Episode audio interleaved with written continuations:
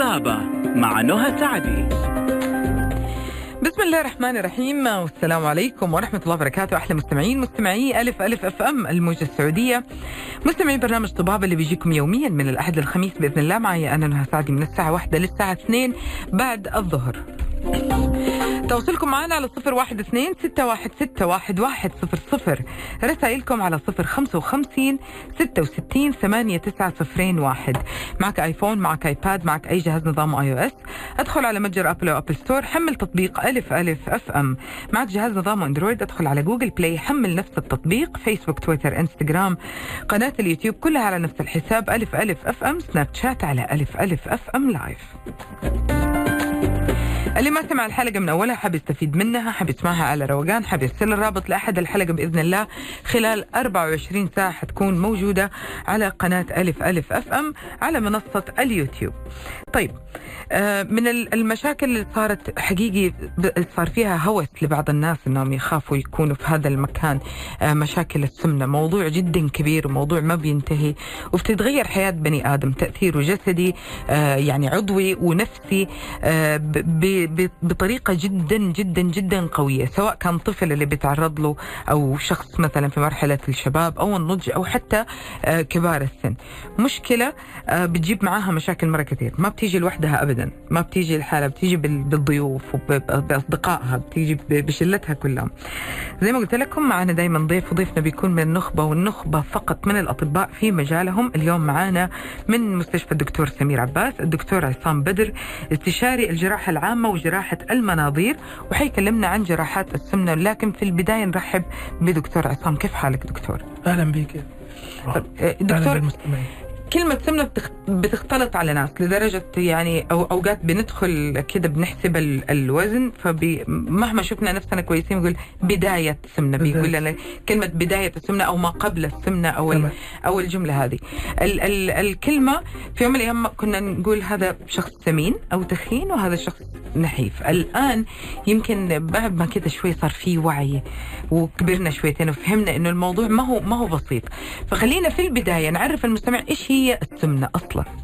السمنة هي تراكم غير طبيعي للدهون في مناطق معينة في الجسم ودي بتعمل زي ضرر بالصحة إما الدهون بتتراكم في أماكن زي الأطراف زي الظهر في البطن أو أحيانا برضو الدهون دي لما بتزيد عن حدها بيحصل في الأوردة نفسها وممكن تسبب زي جلطات وممكن تسبب نوع من المشاكل صحية بالنسبة في الوريد وبالنسبة للقلب وبالنسبة لضخ الدم.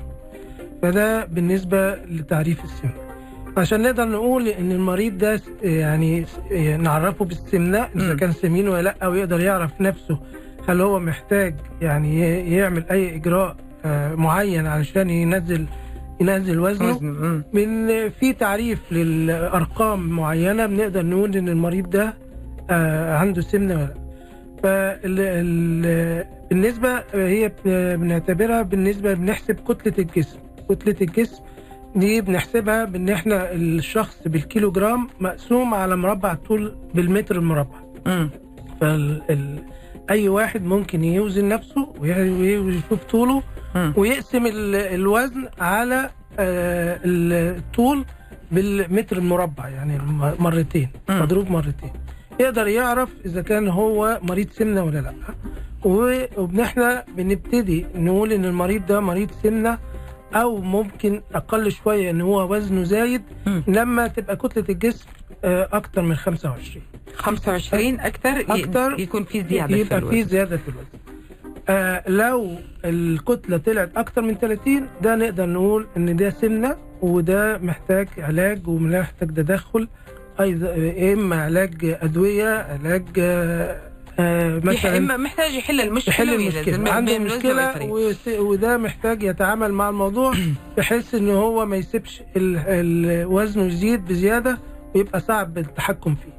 لكن آه من من 18 لغاية 24 و9 من عشرة ده بيبقى الوزن المثالي أو نعتبره ده طبيعي بالنسبة لأي شخص عايز يعرف إذا كان هو وزنه زيادة أو عنده سمنة أو طبيعي أقل من 18 ونص ده بنعتبره في نحافة. تحيف ده نحافة ده ما برضو سيرته ده يعني سيرته بتيجي كده. أحيانا برضو الناس في الناس النحيفة قوي بتبقى عندها نفس إحساس إن هي في محتاجة تاخد علاج معين بتاخد فيتامينات يعني. تفتح الشهية ده برضو بيعتبر يعني مريض بس إحنا دلوقتي حلم مجال حلم, كلامنا في حلم. كل شخص حلم كل شخص إيه. يبقى نحيف بس برضو النحافه زيادة عن اللزوم دي بتخلي بيعتبر ده برضو مرض ومحتاج تدخل أو علاج أو متابعة طب آه، دكتور يعني بس ب- بإجابة كده آه، يعني واضحة للمستمع هل السمنة من المشاكل مثلا خلينا نقول هل الوراثة لها دخل في الموضوع؟ آه في آه، في. عوامل جينيه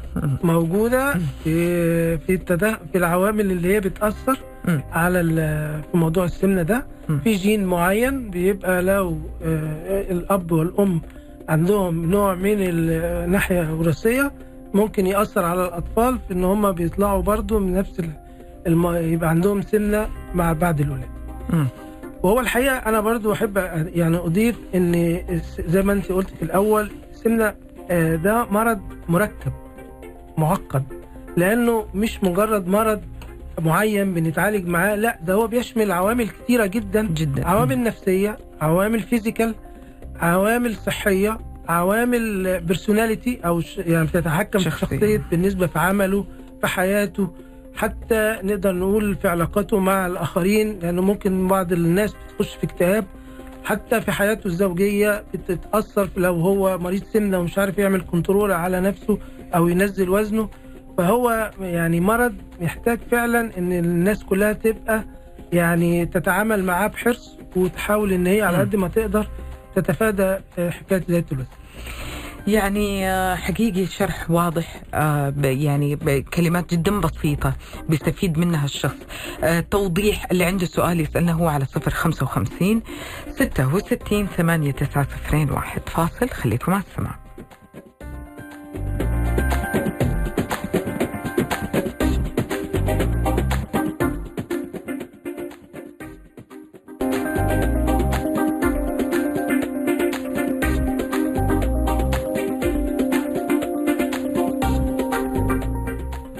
مكملين معاكم مستمعينا وبنتكلم اليوم عن السمنة أو جراحة السمنة. عرفنا إيش هي السمنة وعرفنا إنه من أسبابها ال ال ال يعني ممكن يعتبر ال الوراثة سبب. وفي و- وهل هل هي دكتور ممكن تيجي مصاحبة الأمراض ثانية أو مثلا يعني في مسببات ثانية ممكن تكون غير الوراثة غير الأكل الكثير طبعا هذا هذا موضوع ثاني. واضح آه يعني من الاسباب الحقيقة غير الوراثة آه إن ممكن طبعا اللي هو ال- العادات اليومية بتاع المريض بتاع الشخص نفسه مم. عاداته اليومية ان هو بي يعني بياكل أكلات آه، فيها سعرات حرارية عالية مم. ودهون مشبعة طبعا دي بتأثر كتير جدا وبتدخله في مرحلة السمنة. آه، قلة الحركة آه، يعني ما, بيحاولش يمارس أي نشاط رياضي يعني بيحاول عنده خمول ما تملي قاعد قدام التلفزيون على طول ما بيحاولش يتحرك ما بيحاولش يشترك في أي نشاط رياضي فده برضو بيخلينا آه، مسببات أساسية بالنسبة لموضوع السمنة مم.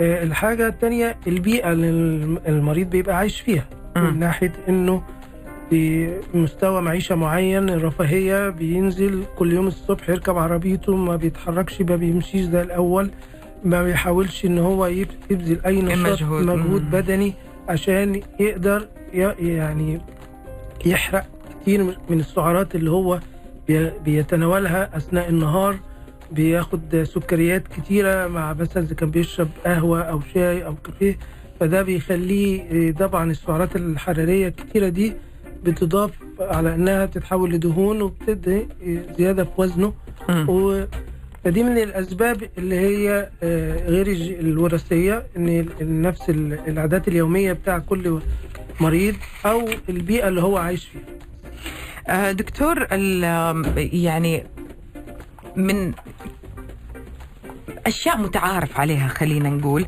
ما هي ما هي صح لكن هي في كل عيلة يقول إنه مثلا الطفل الصغير لا خليه كذا مربرب ومليان صحته أحسن.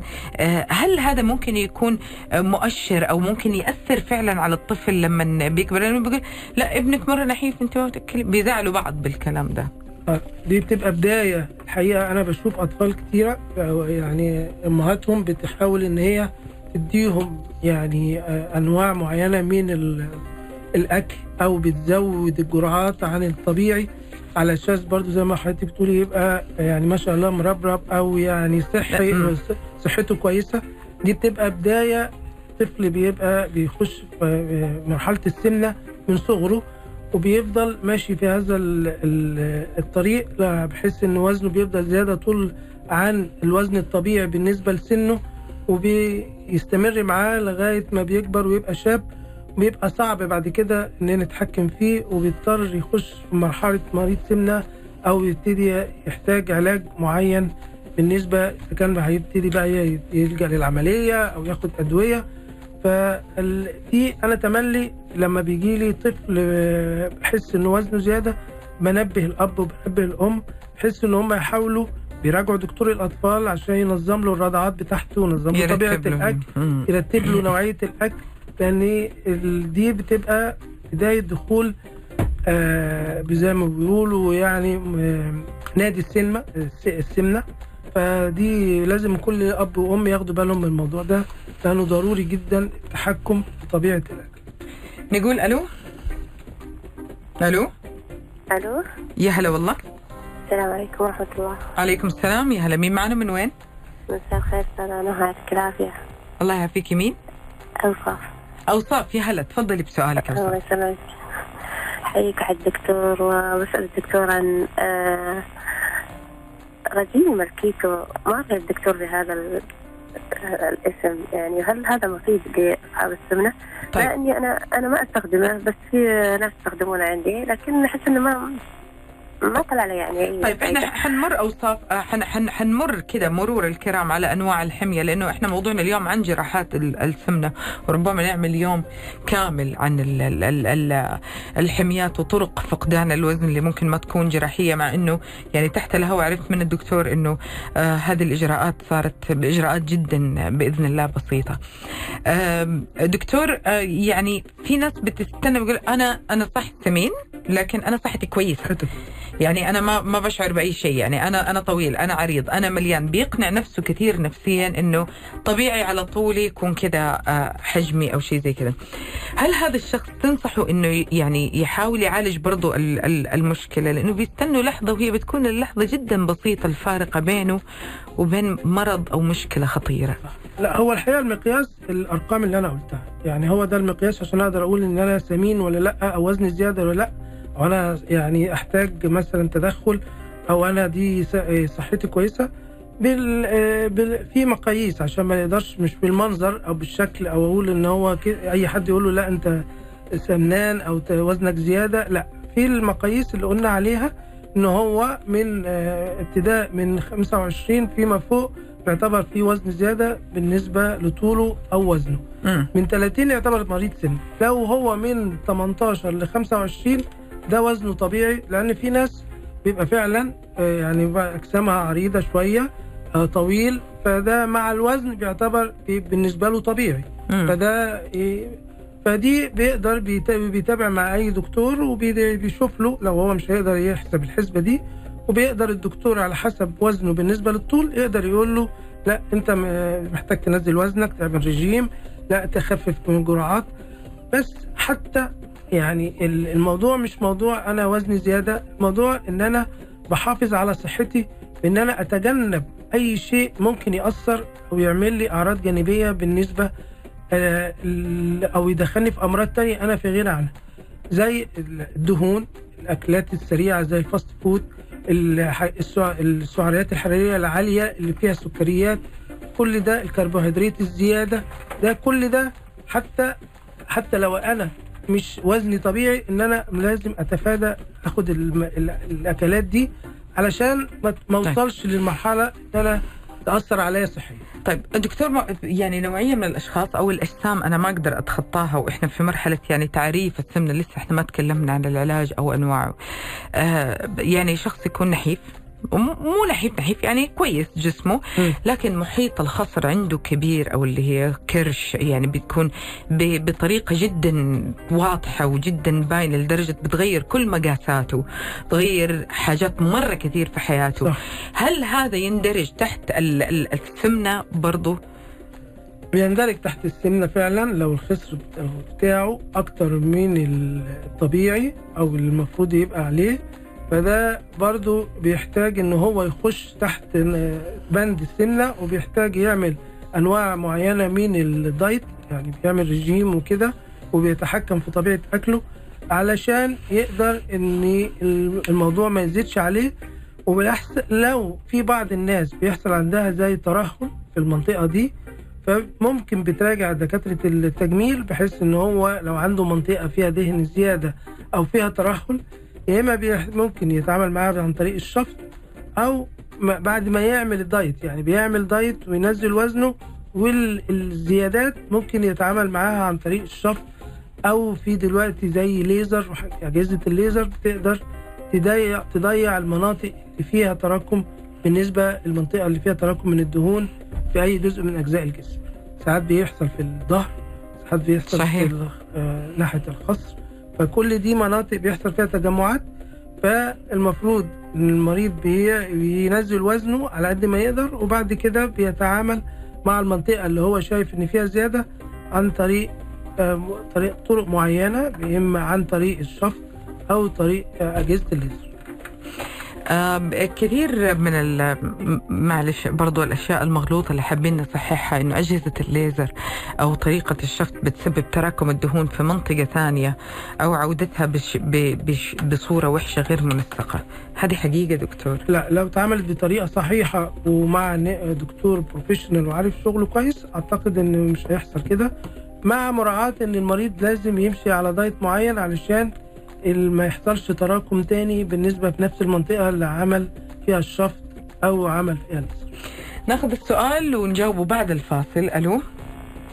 مرحبا مساء الخير. مرحبتين يا هلا مين معنا ومن وين؟ محمد العنزي من حائل تفضل يا محمد. آه، أختي أنا عندي السمنة اللي هي عالية قبل سنتين 150 حلو؟ امم يعني الحين وزني يمكن 115 حلو. لكن سؤالي هل الغدة الدرقية فيها حل ولا ترجع السمنة ثاني مرة؟ طيب. ألف سلام عليك أول شيء. إن شاء الله توصل للوزن المثالي بإذن الله قريبا جدا. بعد الفاصل يا محمد حنجاوب على هذا السؤال. خليكم على السماع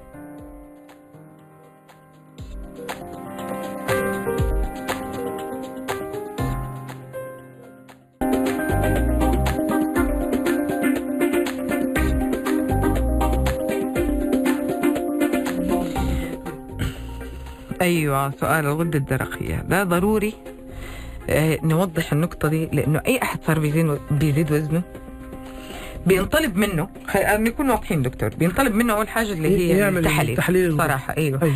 هل تأثيرها لهذا الحد ممكن يعني يمنع الشخص حتى إنه يفقد من وزنه؟ آه طبعا. هي لما الغدة الدرقية بتبقى خامله بتساعد على إن الوزن يزيد. ودي بتبقى من أحد العوامل اللي لازم الدكتور قبل ما يفكر يعمل عملية بيطلب إن هو يعمل تحليل الغدة عشان يشوف هل الغد- الغدة خملانة ولا نشطة فلو خملانة بيحتاج يظبط له هرمون الغدة الدرقية فبيديله علاج عشان يوصل الهرمون للمستوى الطبيعي في الجسم علشان بعد كده يقدر يتعامل مع موضوع السمنة ما يحصلش إن يحصل. نوع فشل في العلاج فلازم أي مريض بيروح للدكتور بيطلب له مجموعة تحاليل علشان عشان يستبعد يستبعد الأسباب. الأسباب التانية ولو في سبب مؤثر على اللي هو بيزود الوزن زي الخمول الغدة الدرقية بيقدر إن هو يديله علاج بحيث يوصلها للمعدل الطبيعي ومع ذلك يقدر إن هو يتعامل مع موضوع السمنة بالطريق الطرق الأخرى عشان يبتدي المريض ينزل وزن. جميل. ناخذ اتصال. ألو؟ ألو؟ أهلا. إيه السلام عليكم. عليكم السلام. يا هلا مين معنا؟ من وين؟ مساء الخير أستاذ هو معكم عبد الله من الطائف. مين؟ أم عبد الله. أم عبد الله. تفضلي. هلا. أنا بسال الدكتور لو سمحت إنه عن شفط الدهون يعني مثلا من البطن أو من كذا لأنه عندي دهون مرة كثيرة في البطن وما سويت حمية وسويت ثمانية بس ما ما ما هي راضية تروح. فيعني لو أسوي له شفط يعني هذا يأثر مثلا أو له اضرار جانبية أو له يعني عواقب كذا. مم. ح- ح- حنسأل هذا السؤال لأنه هو سؤال جدا مهم لكن خلينا أول نأخذ العلاجات وبعدين نعرف مضاعفات أو المشاكل اللي ممكن يتعرض لها هذا الشخص. اسمعينا أم عبد الله إن شاء الله تستفيدي. آه، دكتور تم تشخيص الحالة إنها سمنة آه، سواء مفرطة أو بداية سمنة أو أو أو وتقرر نوع ال- العلاج. نوع العلاج هل بس مرتبط بنسبة السمنة ولا الحالة الصحية كاملة للشخص؟ لا طبعا بالحالة الصحية الكاملة للشخص ما هو المريض علشان نقرر هنتعامل معاه بأي نوع من أنواع العلاج لازم بيراجع الطبيب المختص وبيبتدي الطبيب المختص بيطلب له بعض الفحوصات وبيشوف ال- ال- ال- الطبيعي بتاعها أو إذا كان عنده أي مشاكل تانية بالنسبة للفحوصات وبيتعرف على تاريخه كمان الطبي بحيث إذا كان عمل عمليات قبل كده إذا كان عنده عنده أمراض تانية إذا كان بيعاني من أمراض قلب أو بيعاني من أمراض آه، أخرى ممكن تأثر عليه فلازم قبل ما نقرر هنتعامل مع المريض إن إحنا بنبتدي نتع... نعمل له فحص كامل ونعرف تاريخه الطبي كاملا عشان لما نتعامل مع الموضوع ما يبقاش يعني خدنا خطوة من غير ما نعرف مم. ال- الأعراض التانية اللي ممكن تأثر علينا أو تفشل نوعية العلاج اللي العملية إحنا أو كنا. هنطلبه ناخذ اتصال كمان. ألو؟ ألو السلام عليكم. عليكم السلام يا هلا. أبو تركي معك. من وين يا أبو تركي؟ من عرعر. تفضل بسؤالك. آه الدكتور يعطيك العافية. الله يعافيك. تفضل. آه أنا طبعا ولله الحمد تقريبا صار لي سبع شهور آم، جيم رياضي والحمد لله نازل وزني من 106 إلى 91 تقريبا. ما شاء الله. آه إيه. طبعا أنا دائما آه، بالنسبة للكربوهيدرات الخبز أنا م- شبه شبه شايله من آه، من آه، وجباتي. ولكن أنا عندي سؤال للدكتور بخصوص العض... البطن. في هل هل لو عملية شفط بسيط جدا ولا كيف عملية تحديد الشفط؟ آه، لازم الدكتور نفسه يشوف هل أحتاج شفط ولا لا. لأن طيب. أنا عندي تمام الأمور نازل البطن ولكن في أمور بسيطة جدا تمام، تمام ودي. أشيلها. أيوه وصل وصل السؤال. برضو هذا في سياق ال- الحوار اللي جاي إن شاء الله حتتم الإجابة على هذا السؤال. آه صراحة محفز. آه تقريبا آه، يعني آه، تقريبا 10 كيلو اللي اللي فقدهم. يعني هذا يعتبر نزول صحي بإذن الله. آه وجميل جدا إنه إحنا بالعكس نقول لبعض هذا الشيء. آه يعني حفز غيرك. شوفوا ولا اضطر لجراحه أو عملية. طيب دكتور لو تقررت لو تقرر ال ال الإجراء إنه بيتسوى هل مثلا تحط له خيارات؟ يعني عندك التكميم مثلا أو أو الكبسولة ال- البالون هل بيتخير ال- الشخص؟ لا هو مش بيتخير هو المفروض إن الدكتور بيشوف وزن المريض وعلى أساس وزنه يقدر يبتدي يعرض العملية اللي ممكن هتناسبه. يعني في مش كل مريض هيتعمل له نفس الإجراء. في مريض يبقى وزنه مش زيادة قوي بحيث إن هو ممكن أقول له لا أنت مش ممكن تستفيد بإن أنت تاخد تعمل بالون أو آه، تستخدم آه، إجراء تاني غير الجراحة بحيث إن تنزل وزنك. لأن آه، يعني مش كل مريض اللي هو فوق ممكن في ناس أقل من ال 100 كيلو فده عشان تعرضيه للجراحة برضه ممكن يبقى مش محتاجها لا ممكن ينزل وزنه أو يوصل اللي هو عايزه من غير ما يتعرض للجراحه لكن آه، مش المريض هو اللي بيختار الإجراء الدكتور هو اللي بيختار الإجراء طبقا لوزنه والحالة الصحية بتاع المريض. يعني في مرضى بيبقى حالاتهم الصحية ما ينفعش أعمل له جراحة فأبتدي أعرض عليه البالون أو الكبسولة أو أقول له لازم تعمل آه، أديله نظام غذائي معين يمشي عليه واشوفه هيستفيد منه ولا لا. ومش كل العمليات زي بعضيها يعني المريض اللي هو وزنه آه، فوق ال 150 فبيبقى أحسن له آه، وعنده مثلا سكره من الناس اللي بتاكل سكريات كتير فده بعرض عليه إن هو يعمل عملية تحويل مسار. ف... لكن اللي هو المريض اللي وزنه معقول ما بين مثلا 100 ل 150 فبرضو بعرض إن هو اللي يعمل عملية التكميم. اللي هو بتبقى بالنسبة له هتجيب نتيجة ويستفيد منها.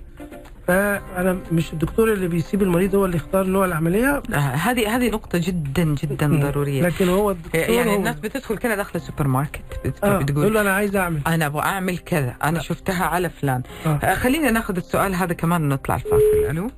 طيب آه، اتصل الخط. آه، حقيقي أرجع أقول لكم إنه يعني في حاجات تقدر توصل لها يمكن هي تاخذ وقت أطول. يعني مو غريب عنكم أنا طولي ما يتعدى ال 155 يا جماعة الخير عادي جدا. هذا أنا كنت نكشه شعري على فكرة من غير 153 في يوم من الأيام كنت 48 زدت فجأة وصلت لقريب ال 70 آه وفكرت في كل ال- ال- ال- الحاجات اللي الدكتور عصام قالها من شوية. آه لكن سبحان الله الحمد لله إني أنا ما سويتهم بالعكس نزلت وزني ويمكن في, في كثير يسمعونا يعني إنه يعرفوا إنه إحنا نمط الحياة لما نتغير تماما.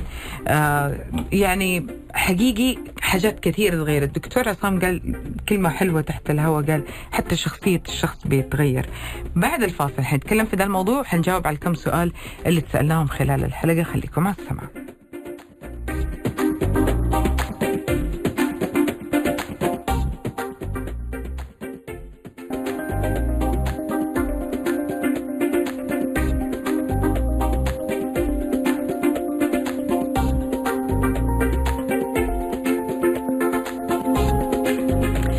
ناخذ سؤال علي من الحسا علي. السلام عليكم. وعليكم السلام. آه الله يعطيكم العافية. عندي آه أنا آه طبعا آه وزني 90 آه ونزلت إلى 84 الآن إلى 84 آه طولي 156 المشكلة عندي طبعا إعاقة في رجلي ما أقدر أمشي إلا إلا مشي عادي يعني بجهاز على رجلي. فما أدري شنو الحل الأمثل في قضية إنزال الوزن. طبعا أنا تارك الخبز ويا الرز مرة واحدة يعني إن شاء الله.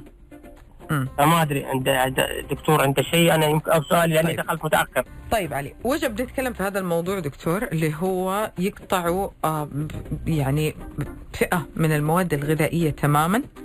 آه، أقطع الدهون تماما أقطع الكاربس تماما بحيث إنه أنا أفقد الوزن أو هي ممكن تكون مظلومة وتكون هي السبب. مدى حقيقة هذا الأمر؟ هو طبعا آه، لا يعني عشان ينزل وزنه لازم يبقى الأكل اللي بياخده بيبقى طبيعي يعني في كميات من السعرات اللي هو لا, تزيد ك كأستاذ علي على 100 على 1500 كالوري لازم يعني هو المشكلة إن إن الواحد بيقول لك أنا وقفت الخبز لكن آه، بياخد تانية حاجات تانية يعني. اللي فيها سعرات حرارية عالية فبيبقى ما يبقى ما يعني وقف حاجة وخد عوض خد حاجة تانية ب... يعني ب... بديلة من نفس بديله. بنف... زايدة عن احتياجات جسمه يعني هو حتى لو على حسب الاكتيفيتي بتاعته والحركة بتاعته ونشاطه فالمفروض إن الشخص بياخد آه، مط- مطلوب منه من 1500 كالوري ل 1800 كالوري. وده دلوقتي بقى كل حاجة بناخدها بن... كنا بنخش مطعم أو بنشتري حاجة مطالب آه، إن الكالوريز منيو بيبقى مكتوبه على كل وجبة قبل ما ناخدها. فأنت المفروض الشخص بيعرف الحاجة اللي هو آه، خدها أو بياكلها ويعرف الكالوري كام عشان ما يز- ما يزيدش عن السعرة الحرارية المطلوبة منه في خلال اليوم. فهو مش معنى إنه وقف الخبز ان هو أي حاجة تانية ياكلها لأ لازم يوقف إذا كان وقف الخبز بيقلل السكريات بيقلل الدهون وبيمشي في نطاق الم- المتاح ليه من السعرات الحرارية علشان المفروض ياخد أقل كمان علشان يحرق أكتر مما بان هو بيتناول علشان يبتدي الوزن ينزل. هو بيقول إن هو حركته ما بيقدرش يتحرك زي ال ال عشان الإعاقة وكده لكن يقدر يمارس رياضة آه، مش لازم المشي رياضة فيزيكال مقاومة. زي نوع من المقاومة وهو قاعد بحيث إنه برضه يقدر يحرق بحيث يعوض الأكل اللي هو بياكله طيب آه، دكتور يعني إحنا تقريبا جاوبنا على كل الأسئلة يا جماعة في في إجابة واحدة وزي ما قلنا نرجع لسؤال ام عبد الله ال- بالنسبة للشفط روحي طبيبك إيوه ما هو غلط وشوفي إذا يناسبك أو لا. إحنا موسميين بطبعنا يعني آه، سبحان الله نتجمع مع أصحابنا ناكل بزيادة. آه، يجي ال weekend مش ما أعرف إيش يحصل لنا بناكل بطريقة شوية. حتى اللي بيروح نادي حتى اللي بيعامل حمية رمضان جاي طبعا ال- الشهر ده اللي بيخ... بين... بننقسم فيه نصين. في اللي بينزل وزنه وفي اللي بيزيد وزنه. آه ما يقول لك طب أنا صرت آكل أنا باكل وجبتين بس. فين من فين جت زيادة الوزن؟ سواء الشخص الطبيعي أو اللي عامل إجراء زي التكميم أو أو أو من الإجراءات اللي يعني بي- بيعملها الطبيب جراح السمنة. كيف بينظم الدنيا دي؟ بالنسبة لل- للي عامل جراحة السمنة في رمضان ده ربنا يعني يعني لما حكمة الصيام في رمضان إن هو إن الناس تحس بالجوع عشان تقدر تحس بإحساس ال- الناس التانية اللي هي ما عندهاش قدرة إن هي بتبقى يعني حالتها ال- المادية شوية قليلة. لكن المريض اللي عامل آه، آه، السمنة ده already اللي عامل العملية يعني التكميم بيبقى المعدة عنده خلاص صغيرة فبإحساسه بالشبع بيبقى سريع مجرد إنه ياخد أي حاجة. هل بيجوع بسرعة برضه؟ لا مش بيجوع بسرعة. لا, طيب. لا بس يعني هو بس عشان دي حجة. لا ما بي ما بيجوع بسرعة. لكن هو بيبقى مستريح أكتر ممكن يبقى أكتر واحد مستريح بالنسبة في الصيام بالنسبة عن الناس التانية لأنه إحساسه بالجوع آه، أقل. مجرد إن هو بياخد حاجة بسيطة بيحس بالشبع فهو بالنسبة له آه، بيعتبر رمضان يعني مناسب بعد اللي هم عاملين عمليات. لكن هو يتعامل إزاي في موضوع الصيام؟ إن هو بيقسم وجباته بعد الفطار على آه، أكتر من وجبة. يعني يقسم ما بين ثلاث وأربع وجبات ما بين الفطار وما بين ال- السحور. وأهم شيء آه، في الصيام إن هو يعوض آه، بعد الفطار المحاليل لأنه ممكن يخش في جفاف آه، في الفترة اللي هو صايم فيها مم. فلازم على الأقل ياخد ما بين 1800 أو 2 لتر سوائل بعد الفطار ويقسم الأكل الفط... الوجبات بتاعته على أربع خمس فترات ما بين الفطار وما بين السحور ففي الم... في التقسيمة دي بيقدر إن هو آه، يتفادى إنه يحصل له أي مشاكل صحية وهو عامل العملية. ولازم آه، يعتمد على إن نسبة البروتين تبقى عالية في الوجبات اللي بياخدها علشان برضو يبقى بالنسبة له صحيا عنده نوع من المقاومة وبالنسبة لو هو لسه عامل عملية جديد بيبقى الجرح بتاعه إلى حد ما آه، يقدر يتعافى ويلتئم بسرعة. آه نرجع نقول إنه الجانب النفسي وحياتك حتتغير مرة كثير بين إنه تكون شخص عادي لشخص ثمين والعكس كمان نفس الشيء فبيكون آه طيب عندنا هنا سؤال بيقول عندي سمنة وأمشي 16 كيلو في اليوم تقريبا آه وعندي الغدة الدرقية هل أنا ممكن أنحف أو لا إذا مشي بهذا المعدل؟ ما هو هو بتاكل إيه؟ بتنام قد إيه؟ آه ما هو. السؤال آه، مش معنى هو بيمشي لكن طبيعة الأكل طبيعة ال- ال- الوجبات اللي بياكلها ممكن يكون بيمشي وبيعمل وبياخد كمية دهون عالية وسعرات حرارية عالية فمهما عمل برضه هيلاقي نفسه مش بينزل. لكن بالنسبة للغدة الدرقية لو هو يقدر يظبط ال- الغدة الدرقية وبياخد العلاج ليها وعلى أساسه بينظم أكله ولو حاول إن هو مع عمل دايت وعمل رياضة وما نزلش يبقى الحل التاني يلجأ للجراحة عشان ينزل وزن. روح لطبيب زي دكتور عصام. يمكن هذه هي الجملة اللي حختم فيها حلقتنا. قل له أنا في بداية سمنة. أنا هذا وزني. آه أنا عندي الحالة هذه وراثية وعندي هذا الخوف وعندي هذا الهوس وعندي وعندي. حيطلب منك الطبيب الصح التحاليل الصح الإشعاعات الصح أو ال ال ال ال يعني حيمشي معك الطريق أول بأول بحيث إنه تبى تزيد وزنك تبى تنزل وزنك تبى تحافظ على وزنك.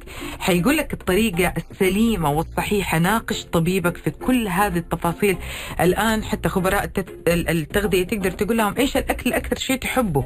يزيد لك هو المرونة آه، أصبحت يعني آه، حقيقي في كل نظام غذائي وفي كل طريقة. علاج شكرا دكتور عصام. على وجودك معنا هو في اليوم. كلمة عايز أقولها هي الموضوع مش موضوع علاج أو عملية أو هي موضوع إرادة عزيمة. اللي عايز ينزل يقف وي- ويبتدي يعني يقف حتى قدام المراية يقول أنا هبدأ من دلوقتي أنزل وزني وعندي من الإرادة والتصميم إن أنا أعمل كده. من غير إرادة يبقى مفيش حاجة حيضيع ما لهاش أي حلول العملية اللي بتتعمل آه بتجيب نتائج كويسة بس محتاجة من المريض إن هو يساعد نفسه ويحاول يتغلب على مغريات الأكل وال ال الراحة. ال... ال... آه إن هو ي- اللي يلاقي فيها راحته. آه،. شكرا لكم مستمعينا على حسن الاستماع. نتمنى الشفاء للجميع آه، والرحمة لكل متوفي وجبر الخاطر لكل شخص مفارق آه، بعادتنا في برنامج طبابة. يت- على أمل يجدد لقائي فيكم بكرة في حلقة جديدة من برنامج تيمبو الساعة 11 الصباح. شكرا أحمد موسى معنا من الإخراج. كنت معكم أنا نهى سعدي فمال الكريم وانتبهوا لبعض